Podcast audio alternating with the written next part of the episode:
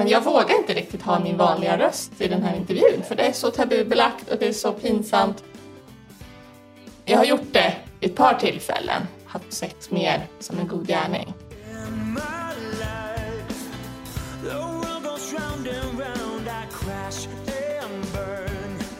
Och nu sitter vi i en stad i Mellansverige, kan man säga det? Ja. Att det är Mellansverige. Ja. Det är så stort det där Mellansverige. Eh, Jag tittar ut över en balkong och en skog och det är jättefint. Det är en solig dag och eh, kvinna, eh, som vi kan kalla för Katja. Välkommen till podden. ja, tack så mycket. Eh, Det är så många frågor som jag skulle vilja ställa till dig egentligen och vi får se hur mycket vi hinner med. Började egentligen, om vi ska ta det här från början, så börjar jag med ett mejl, inte sant? Som du... Ja, jag hade lyssnat på din bok om incels. Ja. Och sen så fick jag ett mejl av dig. Ja, jag eh, har ju känt väldigt ofta att jag tycker synd om män som fastnar i den där situationen. Att de har svårt att få kontakt med tjejer och att det blir en ond cirkel eftersom de får dåligt självförtroende och de allra, allra flesta tjejer tycker inte om killar som har dåligt självförtroende. Nej. Så eh, det, det är ju, jag, jag tycker så synd om många män för att många tycker att de får skylla sig själva eftersom de inte är så sociala och så duktiga och sådär. Men, men det är inte så lätt om man aldrig har lyckats tidigare att få det där bra självförtroendet från ingenstans. Och det blir ju som en ond cirkel. Och jag har ju själv haft sex med flera äldre, eller alltså kanske 35-40 års åldern som aldrig haft sex med någon förut. Och för mig så har det varit en väldigt speciell upplevelse. Speciellt en av gångerna så, så han, han tittade på mig, den mannen, han var 38 år. Hade, den enda erfarenhet han hade haft innan mig var att han hade pussat en tjej när han var 20. Det var det enda i hela hans liv. Mm. Och när vi har sex så tittar han på mig och tittar på mig som att jag är en ängel. Och han säger att jag är som en ängel. Och han, han lyser, han är så glad. Och han, eh, ja, det, det var väldigt magiskt för mig. Och det är väl det som gör att jag känner lite extra för de här antar jag. Att, att dels så tycker jag synd om dem men sen så känner jag mig väl också mer uppskattad jämfört med när man är med de där populära killarna. Mm. För att de, de tar en för givet och det är inte, man får inte den där uppskattningen. Så jag har väl ett tag varit mer intresserad av att eh, ja, träffa incels egentligen då. Mm. Mm. Så då kontaktade jag ju dig och frågade om jag kunde få kontaktuppgifter till, till några av männen som var med. Det har inte blivit än, men vi får väl se i framtiden. Ja. Ja. Men tycker, tycker du att det, är, att det är ett utbrett problem det här? Just det här med att tjejer, för jag tycker det är intressant det här med att tjejer, du säger att tjejer tycker inte om killar som har dåligt självförtroende. Mm. Ehm, det, det tror jag är helt sant eh, också. Tycker du att det har blivit, så vitt du kan bedöma, har det blivit värre på den punkten under de senaste åren? Alltså har, man, har, har den svenska mannen blivit eh, mer och mer osäker på sin identitet och sin roll? Eh, Jag har faktiskt inte tänkt på det riktigt, men det är möjligt att med coronatiderna när folk träffar ännu mindre människor, att det kan bli en, ett ännu större problem. Så skulle det kunna vara. Jag hade ju Mm. själv social fobi, eller ingen allvarlig social fobi, men lite åt det hållet för 15-20 år sedan när jag var Mm. hemma alldeles för mycket och, och jobbade hemifrån och inte träffade så mycket människor. Jag märker ju personligen att eh, ju mindre människor man träffar, ju Mm. vanligare blir det. Och det, det finns ju studier också som visar att oxytocinbrist leder till mer social fobi.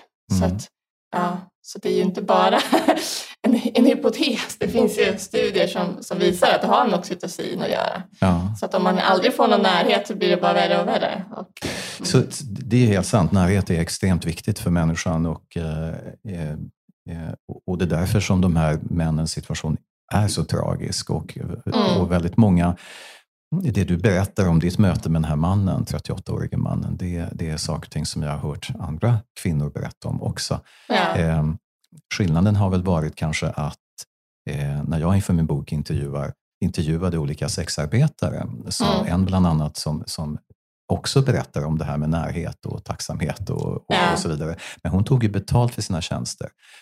Du, om jag förstår det hela rätt, om vi ska reda ut det här ordentligt, du är, vill alltså ge bort sex gratis till män som lever i ofrivilligt celibat? Eh, ja, ja, där jag är i livet just nu så är det rätt för mig. Mm. Eh, jag hade ju också en period för några år sedan när jag sålde sex. Mm. Och jag tycker principiellt sett att det borde vara lagligt att både köpa och sälja sex i Sverige. Mm. Och det är jag väldigt upprörd över. Mm. Men då så behövde jag väl lite pengar men det var inte, liksom, det var inte så här extrem katastrof så att det var inte så att jag verkligen var tvungen. Men då sålde jag sex för pengar och tyckte att det var eh, jag tyckte att det var ett bra extrajobb och jag hade egentligen velat fortsätta med det. Men eftersom min sambo fick höra talas om att en del eh, partners kan få problem just på grund av att deras tjej säljer sex så blev han nervös och ville att jag skulle sluta. Så att jag har egentligen slutat sälja sex för hans skull. Att Mm eh, han inte ska hamna i problem. Mm. Och det är väldigt ovanligt men det förekommer ju att, att folk får böter och fängelse för att ja, de är tillsammans med någon som säljer sex. Mm. Och det vill jag givetvis inte utsätta min, min partner för, min sambo, att, att han skulle råka ut för någonting. Så på grund av det så har jag slutat. Och just nu så har jag inte riktigt den, jag har ett heltidsjobb och jag har inte behov av pengar på det sättet. Så att, Mm. så att, eh, ja. Men jag saknar ändå det här spännande som Ja, de här spännande mötena, de speciella mötena som blev när jag sålde sex. Och eh, då när jag lyssnade på din bok så, så började jag väl tänka mer på det också. Att, att eh, jag skulle vilja göra det. Jag har gjort det eh, vid ett par tillfällen eh, sista åren. Haft sex mer, sökt upp någon och eh, haft sex mer som en god gärning. Som en gång så var det en, en, en man som har suttit i rullstol sedan han var tio år och han kan inte prata ordentligt. Eller jag, jag, jag förstod inte vad han sa i alla fall. Nej. Hans personliga assistenter förstod men jag kunde inte riktigt kommunicera med honom. Och det blev ju också ett väldigt speciellt och fint möte. Att, eh, ja, man, Berätta om får det. ju väldigt, man Berätta, får ju en väldig uppskattning. berätta om det. Hur gick det till egentligen? Hur, hur, Ja, hit- alltså hur var- hittade du honom? Ja, alltså det började med någon... någon jag, ett tag så var jag med i någon Facebookgrupp, Vi som söker medföräldrar. Eh, och han ville ju bli pappa. Men det är ju givetvis svårt att bli pappa om man inte själv kan hjälpa till att ta hand om barnet. Man sitter i rullstol och inte har någon kraft i armarna och så. Eh, så ja, nej, men då började vi skriva. Och sen hade jag vägarna förbi någon gång. Så då eh, åkte jag dit och träffade honom. Och jag ville inte lova någonting i förväg för jag vill ändå känna av lite personkemi. Men han kändes som en väldigt snäll och fin man så jag kände att jag, jag eh, ville ha sex med honom. Men eh, då, då hade han ju en personlig assistent där som var tvungen att hjälpa till om vi skulle lyckas få honom till sängen. Ja. Så det, det var ju väldigt pinsamt för mig att be om hjälp och hon blev ju väldigt nervös och tyckte att oj, oj hur ska det här gå? och tyckte jag kanske kunde komma tillbaka imorgon. Men det här var ju 20 mil bort. Det var ju, jag hade vägarna förbi. Det så var att det, var, det var då eller kanske aldrig. Så, äh, ja. Och hon såg ju på hans blick att han var så ivrig och han ville verkligen. Så att hon, hon hjälpte till med det. Och, eh, Men var hon närvarande under själva Ja, hon hjälpte sexet till att att klä av honom och eh, få honom i sängen. Sen gick hon till ett annat rum och så sa hon att, att eh, om det skulle bli något problem så får jag säga till. Men Mm. det behövde jag inte göra. Så att, men jag sa ju till när vi var färdiga och så hjälpte hon till att han Mm. kommer upp ur sängen igen. Och så där Mm. med liftar och det mycket krångel Ja, jag förstår med, det. med hur det funkar. Så där. Men hur kändes det här för dig? Var det, var, var, var mest en känsla av att du, eh, eh, att du kände att du gjorde en god gärning? Men, eller var det också så att du fick ut någonting sexuellt av det hela? Eh, sexuellt sett så var det inte så märkvärdigt. Men jag, jag har väldigt lätt att njuta av sex. Att jag tyckte att det var skönt. Men det var ju inte, det var ju inte den mest... ja, det var inget speciellt sex på det sättet. Det var mer det här runt omkring. Mm. Så jag tror nog att det här runt omkring var väl mer speciellt än i vanliga fall. Eh, Runt omkring menar du själva? Nej, men det här med liksom hur han tittar på mig och liksom hur glad han ser ut och när han rör vid mig. Och, ja, att, eh, Och det var första gången för hans del? Som Han hade haft sex förut och han sa det inte rakt ut men jag tror att det var att han hade köpt sex Mm. innan. Eh, Det, det verkade så men han sa det inte rakt ut.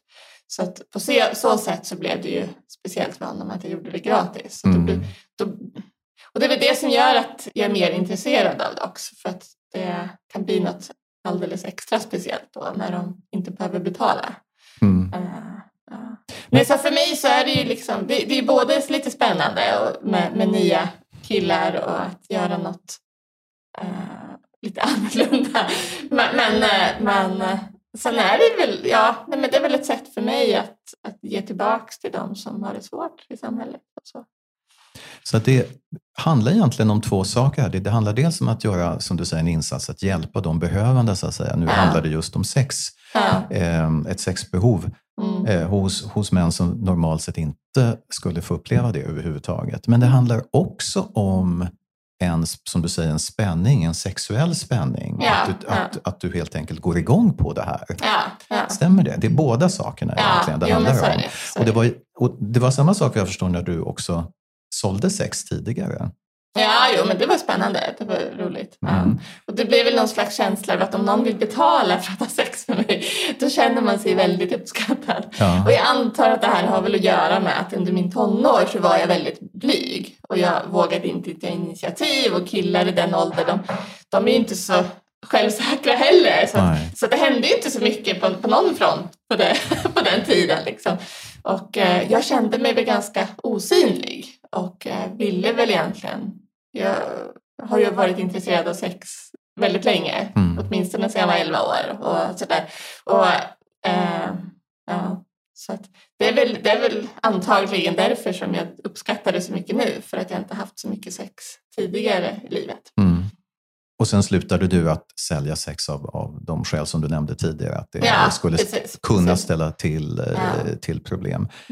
Jag jag är väldigt glad att jag fick vara med i den här intervjun eftersom jag skulle egentligen vilja, vilja argumentera mer offentligt för den här saken. Men jag vågar inte riktigt ha min vanliga röst i den här intervjun, tyvärr. Nej. Jag vågar inte ha mitt ansikte för det är så tabubelagt och det är så pinsamt. Och eh, ja, dels med, med familj men sen givetvis vill jag inte att min son ska få problem Nej. för att det här är så tabubelagt. Men, men eh, jag brinner väldigt starkt för att de som vill sälja sex, att det är ju de som borde sälja sex. Alltså det här med trafficking är ju så fruktansvärt. Och det är väl också en liten del över varför jag hellre har sex med folk. Det är mycket bättre att jag har det som njuter av det, alltså tycker det är skönt att ha sex, än någon som, ja, som i princip, ja, trafficking, då är det ju att de blir tvingade.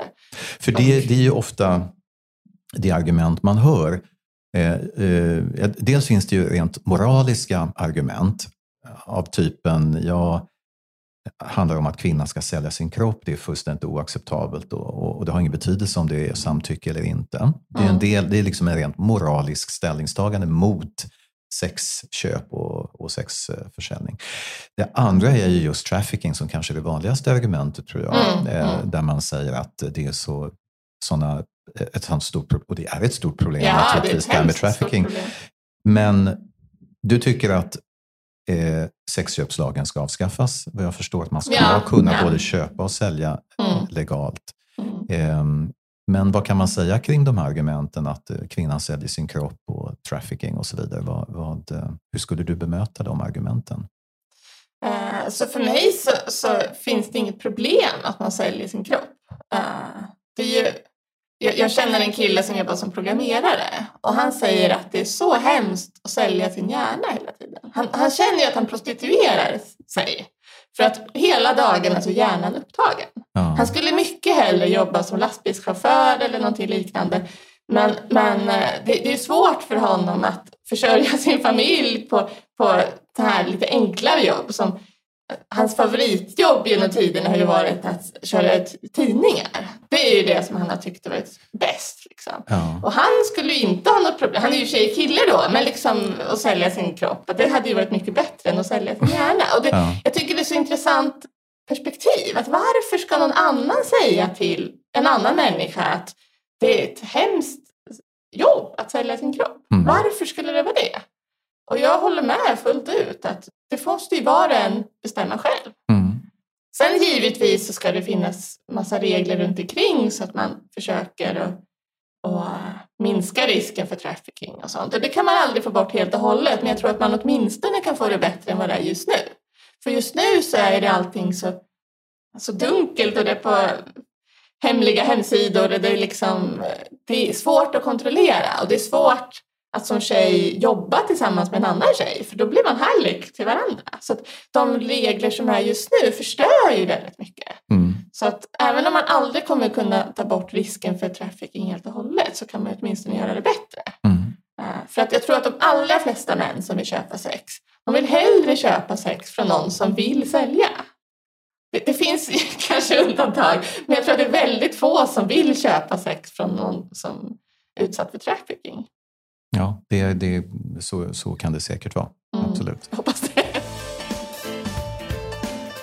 En, en reflektion som säkert många också gör, det är ju, eh, ja, innan jag går in på det så ska jag säga att det finns ju olika åsikter kring det här med sexköpslagen i Sverige. Det finns organisationer som exempelvis ehm, Amnesty, är inte så? Amnesty har ju olika, för, olika syn om det är den internationella eller den svenska. Den Ja. internationella är ju för eh, sexköp. På, ja, att, att det ska vara tillåtet att köpa sex, men inte den svenska Amnesty. Nej, nej, Och det är ju tråkigt. Men, men eh, ja. precis. Och eh, det finns ju också i Tyskland så är det feministiska organisationer, de är ju för sexköp Mm. och sexförsäljning medan Mm. eh, motsvarande organisationer kanske i Sverige har en, en motsatt åsikt. Det verkar vara lite, lite olika åsikter kring det här Ja. eh, trots allt. Jo, det jag tänkte på det, det var ju att, att ha sex med främlingar. Mm. Eh, du och andra som jag intervjuat tycker att det är sp- spännande. Ja, Eh, det är en spänning i sig, det är Mm. kittlande och, och, Mm. och sådär. Men jag tror att de flesta eh, kvinnor i alla fall skulle, vi män är nog mycket sämre på det, My- mycket, mycket mer eh, kanske andra åsikter, vissa av oss i alla fall. Eh, Men, men många kvinnor tycker väl att eh, det är ju hur läskigt som helst att träffa, hur kan man, hur kan man gå in i ett rum och, och, och, och klä av sig och ha sex med någon som är en fullständig främling och tänk om han är liksom eh, jätteful och jättefet och han sköter inte sin hygien och då ska man plötsligt Ful och fet har jag, utföra- ful och fet har jag inget problem med. Det är klart att det skulle vara otrevligt om man skulle träffa på någon med en väldigt dålig hygien eller sådär. Men det som jag har gjort har ju varit att jag också har sålt massage. Mm. En, en mjuk sensuell massage som har varit inkörsporten om man säger. Så att I princip i alla fall när jag har sålt sex så har jag känt av innan. Mm. Eh, antingen att man har träffats i något annat sammanhang eller att man tar en fika först eller någonting. Så, att, att, eh, ja. så i princip alltid så har det varit så. Och då, då har man ju fått en väldigt mysig, härlig känsla.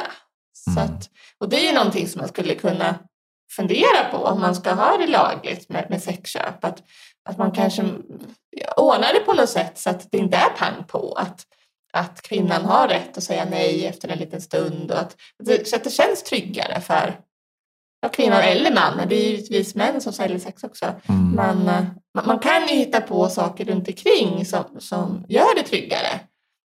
För man känner ju av ganska, ja i alla fall jag, jag tycker att jag har en bra eh, kännedom om folk. Att man träffas så, så märker man av ganska lätt. Och sen även samma person kan ju vara, ja, kan ju bete sig olika beroende på om man har värmt upp med en mysig massage först. Eller om det bara blir pang på. Mm. Eh, för då kan ju mannen också vara nervös och eh, sådär. Men känns det ändå inte lite märkligt att, ha, att göra det, det mest intima av handlingar med en fullständig främling, som det ju faktiskt är? Eh, jag tycker inte det. Nej. Nej. Ja, ja. Utan det är nästan tvärtom. Ja, alltså det skulle Är jag väl inte riktigt säga. Det finns, jag vet ju att det finns kvinnor som har sålt sex som, som eh, inte kysser sina Nej. kunder. Mm. Och det skulle jag ju kunna tänka mig som någon slags mellanting om det skulle vara någon som luktar illa eller någonting, att man hoppar över den delen. För det skulle jag kanske tycka kändes lite mer jobbigt än... Men, men, men sex med kondom, det känns inte så intimt för mig. Nej. Eh, jag har ju inte sålt oralsex, för det tycker jag känns intimt. Eh, jag har ju i och för sig sålt oralsex med kondom på, men då känns det inte så intimt. Men man, man, man funkar ju olika och för mig så, så, så är det någon spärr med oralsex. Att jag vill inte suga på någon som jag inte tycker om. Mm. Eh, Men med kondom funkar det? ja, men kondom funkar. Det är som att suga på en ballong. Det är ganska ointressant, men det, är, ja, det kan jag väl göra. Om Ja. någon blir glad över det. Ja. Men, men för mig så är inte det samma sak. Det är någonting annat. Ja. Nej. Mm. Jag undrar lite grann om vi, för det är ju intressant naturligtvis, du säger att du har varit intresserad sedan väldigt tidig ålder för sex och sådär. Finns det, kan du själv, eh, när det gäller just eh, uppväxt och barndom och sådär, finns det, finns det någonting där som du tycker att du kan på något vis härleda det här intresset eller att det har på något vis blivit på det här viset? Var det, var det väldigt tillåtande i ditt hem eller var det väldigt mycket förbud? Eller Jag, var jag det var strikt? väl, det är svårt att veta varför och så, men jag var väl lite snäll flicka när jag var barn. Mm. Att, ja, min, min mamma hade väl liksom ganska jobbigt med mina andra syskon så att det kändes som att det blev för mycket för henne så att jag var väl, jag var väl snäll flicka. Och, eh, och så märkte jag väl också på, på olika plan, både i familjen men sen i samhället i övrigt att man ska vara på vissa sätt. Man ska vara monogam och man ska, man ska ja, ha lite längre kjol och man ska liksom dölja sig och,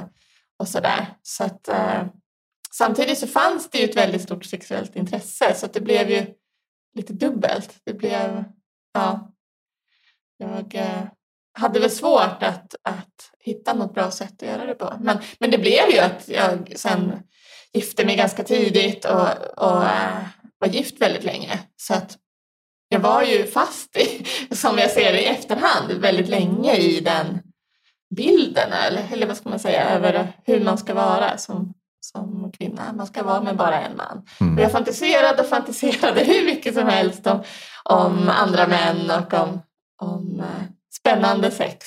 Just till skillnad från hur det blir om man bara är med samma person hela tiden.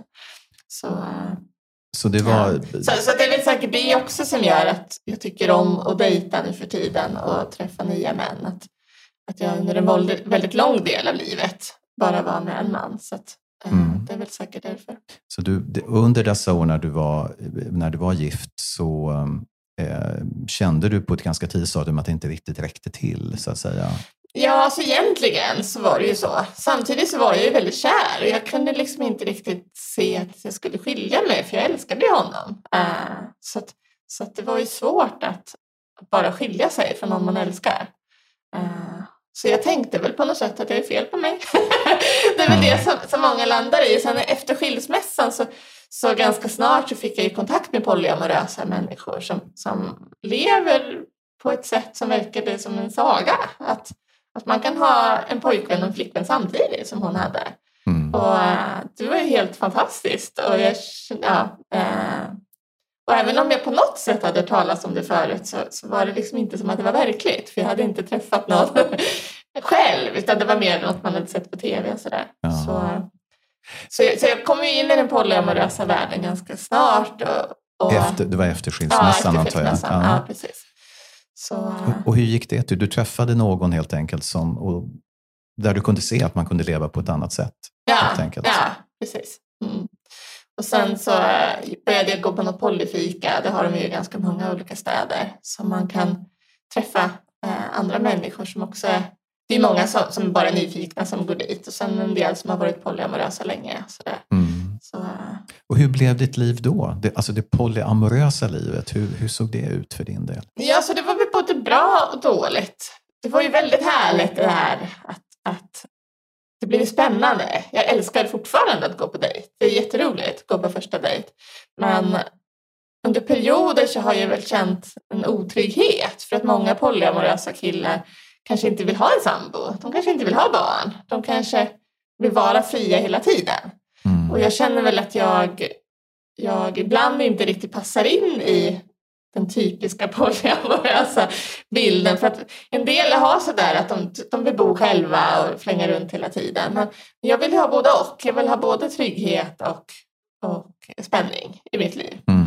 Eh, Men, men eh, nu har jag hittat det. Jag har en sambo som jag älskar som ger mig en trygghet och närhet. Mm. Sen blir det inte så jättemycket sex hemma. Det blir inte så jättespännande. Det är ju så när man har känt någon länge.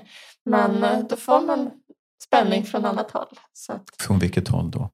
ja, gå på dejt och sen har jag ju lärt känna många genom åren. Så att jag har ju några män som jag träffar lite Mm. då och då. Och sen gör vi spännannande saker tillsammans också. Jag och min sambo åker Mm. iväg och träffar andra tillsammans också. Och det är ju också jättespännande. Så att det, det fungerade i ert fall både på det viset att du, du träffar andra män Men han kan också vara med när du träffar andra. Ja, han, han, är ju, han är ju inte så intresserad av om det bara är en extra man. Men, men eh, vi har träffat andra par flera gånger tillsammans. Mm. Så det tycker vi båda är väldigt roligt. Mm. Jag är bisexuell så, mm. så det, det är roligt. Uh, tycker vi. Sen har han i perioder träffat tjejer själv också. Inte just nu men, men uh, och eh, hur, eh, du nämnde tidigare, hur, det handlar om rätt många män som du träffar, eh, som du känner sedan tidigare ska vi tillägga, inte ja, sant? Alltså jag, har ju, jag har ju varit polyam, levt polyamorös mm. i, i många år nu. Ja, fem, tio år någonting. Och då har man ju lärt känna ganska många. Så att det, det är en del som jag kanske träffar två gånger per år och någon som jag träffar varje månad och sådär. Så, så det, ja, mm. allt däremellan. Ja. ja, så ja. Att, äh, men jag har ju ingen, just nu så är mitt liv så att jag har en sambo som jag älskar jättemycket men ingen annan partner. Men äh, tidigare i livet så har jag haft två pojkvänner samtidigt och en period så hade jag en pojkvän och en flickvän samtidigt. Mm. Så, äh, så det har varit lite olika. Så det är lite olika? Ja. Mm. Men, men och jag kan trivas i olika situationer i livet men jag, jag har ju märkt att för mig så, så, är spänningen viktig, att jag, att jag är fri, att ingen bestämmer över mig. Mm. Och eh, också att man får trygghet, gos och närhet och, och lugn och ro. Någon, ja, jag älskar ju sex, men, men, men vissa män som är polyamorösa de känns ju nästan sexgalna. Alltså det, är, det är som att det bara är sex i livet hela tiden. Och sex är ju en krydda till livet. Det finns ju annat i livet också. Man vill ju ha den här balansen. Och mm. Givetvis är det olika på olika människor hur mycket sex som är en bra balans för dem. Men, mm. men uh, jag blir ju orolig när man träffar ja, killar som inte har något annat intresse. Ja. Om du vill stötta mig med valfri summa och få avsnitten en vecka tidigare än alla andra kan du bli medlem på patreon.com krakowski. Alltså patreon.com krakowski. Och där kan du redan nu lyssna på mitt samtal med Anna Ardin. Tack för att du lyssnar på podden. Vi ska tillägga eh, kanske också att du har ett, så att säga, som det heter, vanligt yrke.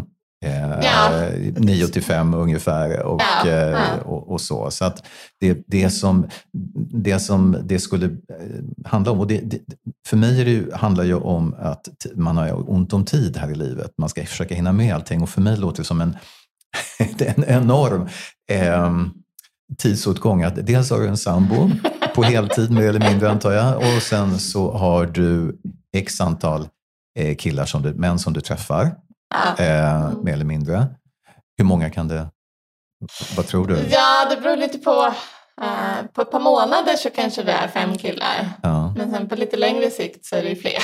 Ja, så ja. det, uh, det brukar variera lite. Men, men Ibland så blir ju livet ganska stressigt så då kanske man klämmer in en lunchdejt. Man, man åker dit och har lite sex. Och så. Ja.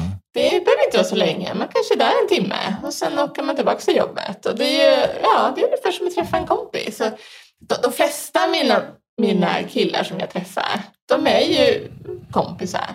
Mm. Så att uh, man... Uh, och det är ju inget konstigt att man har kompisar.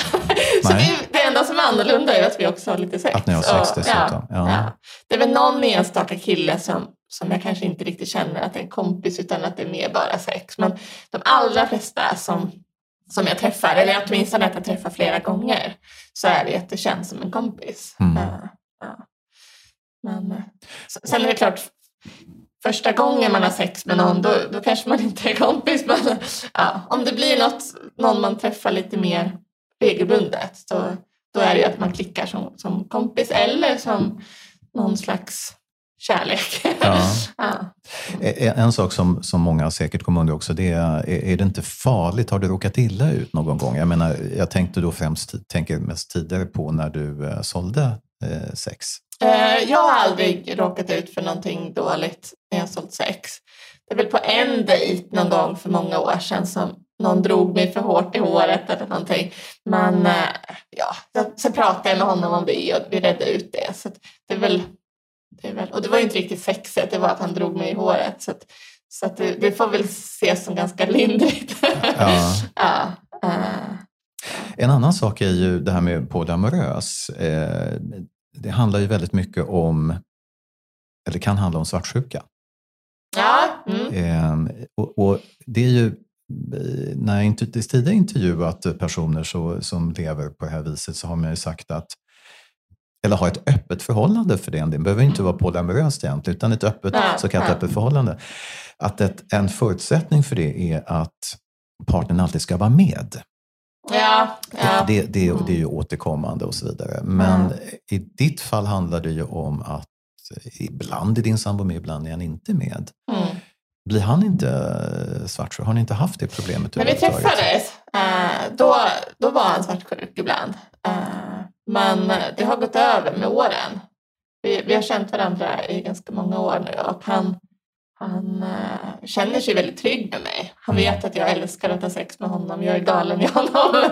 Och eftersom han inte har lika stor sexlust som mig så är jag alltid på när han vill ha sex. Så han behöver inte oroa sig på det sättet. Nej. Men det är klart att när vi träffades då var det ju en osäkerhet hos honom att han tänkte att han kanske inte var tillräckligt bra eller att det Mm. var sådana saker. Men, men med åren så, så blir det väl att han har förstått att, att eh, ja, det handlar inte om det. Gör det inte. Och han, är- han är ju själv sån att han tycker att det är spännande att ha sex med någon annan ibland också. Så att, så att han förstår väl mig på så sätt. Mm. Det är klart att det skulle vara svårt om man hade en partner som, som inte förstår, som alltid bara vill ha sex med en person. Då kanske man inte förstår det här att det kan vara spännande med någon ny. Så att, eh, Det, precis, men det kan, det, kan, det kan ju också vara så att man helt enkelt har den här eh, att man värjer sig och tycker att det är helt oacceptabelt att någon annan man eh, gör ens, någonting så intimt med ens egen kvinna. Att det är någon annan som har varit där. ja, men jag tror att det är skillnad Är det på hur, hur män ser det. Han ser inte mig som en ägodel. Liksom. Nej, det är ju men- det som jag kan ha svårt för med monogama förhållanden. Att man i princip äger varandra. Och jag Mm. tycker att det blir väldigt konstigt. Ja. Ja, och den som har varit mest svartsjuk i vårt förhållande det är väl jag egentligen. För att det var väl någon period när han hade mycket sex med en annan tjej och, och eh, då var det väl inte så spännande med mig just då när han precis hade träffat den tjejen. Mm. Och eh, jag tyckte det var väldigt jobbigt. Men vi kom över det också. Ja. Och det är ju det som är lite missuppfattning med polyamorositet. Att en del får för sig att man måste vara en perfekt människa för att vara polyamorös. Man kan ju vara svartsjuk och ändå vara polyamorös. Mm. Och eh, det enda är ju, eller för mig i alla fall, så är det ju viktigt att man pratar om det. Och att, eh, så för, för mig då för några år sedan när jag var väldigt svartsjuk, att jag kunde prata om det och säga att jag var svartsjuk till både tjejen och killen, alltså min sambo, eh, nuvarande sambo, så, så blev det ju, alltså det var som att det rann av mig. Eh, och då fick jag en massa kramar och kärlek och kände att, att de tycker om mig. Det är ingen fara. Men om jag hade låtsats som att jag känner ingenting, jag är helt oberörd, då hade det hållit i sig mycket längre. Jag är helt övertygad om det. Mm.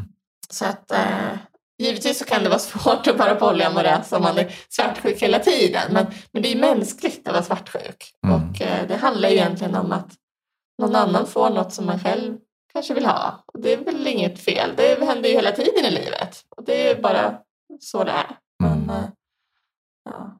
Hur ska du ha tid att, eh, att eh, ge bort sex gratis då, till incest med sånt eh, eh, tajt tem, eh, schema? Ja, nej, men jag, jag är ganska tidseffektiv och jag gör inte så mycket annat som slösar bort tid. Alltså, folk tittar ju på tv flera timmar om dagen. Det gör inte jag. Jag Nej. tittar nästan aldrig på tv. Så att man, man, man sparar ju in mycket tid där andra människor slösar bort sin tid. Så Mm. att, eh, ja. Och det är klart att det skulle ju inte vara varje vecka heller. Men, men ett par gånger per månad tror jag nog att det skulle kunna Att du bli bra. ska kunna hinna med det? Ja, ja. Ja. Hur löser man det här problemet med ofrivillig celibat, skulle du säga? Ofrivillig ensamhet bland män? För det här är ju ett, ett tilltagande problem. Ja, ja, verkligen. Dels så tror jag att man skulle behöva få in närhet lite mer i skolorna. Att man kanske lär ut hur man masserar. Eh, Man gör ju ofta det med, med yngre barn. Men man kanske kan göra det med, med tonåringar också. Mm. Att, att om man lär ut hur, hur man masserar varandra så, så är det ju ett sätt att umgås. Att om jag ger dig en ryggmassage så kan du ge mig en ryggmassage. Jaha, nej men du tycker bättre om fotmassage. Ja, men då kan du få fotmassage. Och att det är ett sätt att komma närmare en annan person utan att man direkt behöver bli sexuell. Mm. Och då kan man ju känna av varandra och, och ifrån det läget så kanske det blir en sexuell situation för någon som är lite osäker. Men, men uh, vi behöver få in mer närhet på andra sätt. Och att, så jag tror att det är det man får fokusera på, att man får in annan närhet. Att man utgår från det. För, att, för det skulle ju ta bort den här nervositeten och, och uh, Ja, sen om det är någon som ändå inte får sex så får de i alla fall en massage och lite närhet och lite gos och så. Men vem skulle ge de här killarna massage? Uh, jag tror att det är många tjejer som, som skulle vara mer intresserade av det. För att de, många tjejer som jag har pratat med, kompisar, de är ju väldigt irriterade på hur sexgalna killar är. På, på, på, på en del dejter så känner de ju liksom att att det är bara det det handlar om, att de vill ha sex mm. och sen sticka. Liksom. Men, men om de istället kanske får en fråga om du vill ha en massage, då kanske tjejen skulle njuta av det och killen skulle njuta av att ge en massage. Och, eh, men är, ja. tror du att det verkligen skulle vara så enkelt? Därför att massage, in, som du själv sa för en liten stund sedan, inkörsporten kan ja, vara inkörsporten till sex. Det. Men jag har ju haft så många massagetillfällen utan att vi haft penetrationssex efteråt. Så det är, liksom, det är en inkörsport, men det är ju inget, det är ingen garanti. Men, men är inte grundproblemet, tycker, gör du inte lite lätt för dig nu? Därför att grundproblemet är och förblir ju det här med att en, eh, en oattraktiv kille Låt oss säga en kille som inte är intressant eh, för mm. en tjej. Mm. Han kommer ju inte ens komma till delmål ett, att ens äta lunch eller middag med henne, få en dejt. Ja, ja, eh, än mindre en massage. Därför att om han får massage så, så har han ju halva inne. Ja, ja. Vis, kan man väl ändå förmoda, eller hur? Ja, det är inte eh, säkert. Om det är en attraktiv, osäker kille så kanske han ändå inte lyckas. Fast, men, men fast, om någon, fast om någon tjej är intresserad av att ge någon kille massage, han ska klä av sig i massage, då skulle jag nog satsa rätt mycket på att han kan eh, komma ända in i mål. Eh, gissningsvis ändå. Så att, men vad jag, är ute efter lite grann, det är ju det här problemet att tjejer idag väljer matchande män så att säga. Det vet vi ju. Mm. Utbildningsmässigt, inkomstmässigt inte minst mm. och utseendemässigt. Ja. Um, Inselmännen säger att det är kört från början. Ja. Alltså, Alla är ju inte lika generösa som du. Nej, givetvis är det ett jättestort problem och man måste ju lösa det på flera håll samtidigt. Jag tror att en del av lösningen skulle vara att man pratar mer om att vara polyamorös. För att många kvinnor de kanske tänker att de vill skaffa barn, de vill ha en man som har en bra eh, inkomst och sådana där saker. Mm. Och jag kan förstå det, att man inte är så intresserad av att, att ja, skaffa barn med någon som är arbetslös och så. Liksom. Men däremot om man är polyamorös, då kanske man inte har samma stora krav på killen. Då kanske inte han måste vara både snygg och ha bra utbildning och bra lön och bo på en fin lägenhet.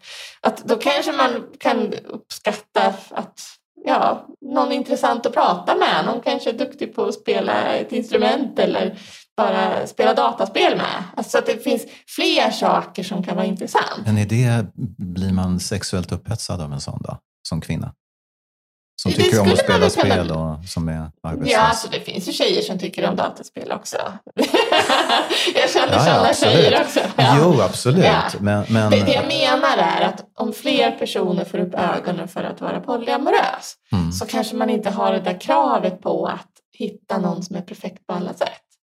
Och då om man är lite mer open-minded och går på dejt med någon som kanske är arbetslös så kanske man kommer på att men här är ju den bästa mannen i mitt liv och så blir det ändå barn och alltihopa. Mm. Och mannen kanske mår bättre och börjar jobba för att han... alltså livet börjar rulla. Så att, mm. så att det, det, kan ju vara så att om man ger fler människor en chans, och det här är väl något som jag önskar att fler tjejer tar till sig, att man, man uh, ger fler killar en chans. Det kan ju faktiskt bli något jättebra. Mm. Även fast det inte ser så himla bra ut på pappret. Att, att, för många tjejer är ju, de swipar, jag kommer inte ihåg vem som är höger och vänster, de swipar mm. bort killar hur mycket som helst. De, de borde ge fler killar en chans.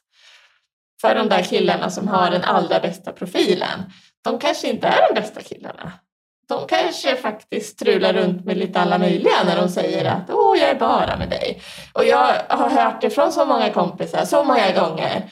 Och jag har sagt att men, du måste ju hitta bättre killar, inte ta de där perfekta profilerna på Tinder. Och vad har de sagt då, dina kompisar? Nej, men då, då, då känner de liksom att jaha, tycker inte du att jag är värd en bra, liksom, en snygg kille om jag är snygg? Och då blir jag lite ledsen att det liksom, ja. Är det för utseendefixerat, tycker du? Ja, men det tycker jag. Det tycker jag. Helt klart. Så att ditt råd, eh, om vi avrundar nu, vi ska, vi ska avrunda här för jag tycker det är så spännande att prata om, men eh, tiden, tiden rinner iväg. Eh, vad är ditt råd egentligen? Du har delvis varit inne på det, men att, att, för att min bok handlar ju väldigt mycket om det här vidgande gapet mellan män och kvinnor. Allt fler ensamma män, ofrivilligt ensamma män, mm. allt fler kvinnor som har svårare att hitta någon som, som matchar dem. 80 procent av killar blir tydligen bortswipade på Tinder och det är naturligtvis bara på grund av utseendet det handlar om. Ja, För... alltså det är klart att det inte bara handlar om utseende. Det, det är ju andra saker också. De kanske tänker att han han inte är så självsäker, inte har så bra jobb och inte så mycket pengar. Ja, det men, inte, massa, men det kan man väl inte bara döma av en profil? kan man väl inte säga Jo, det? man kan döma kan man mycket. Det? Ja, man, man, ser mycket på utseendet och sen har de ju ofta skrivit någon liten text också.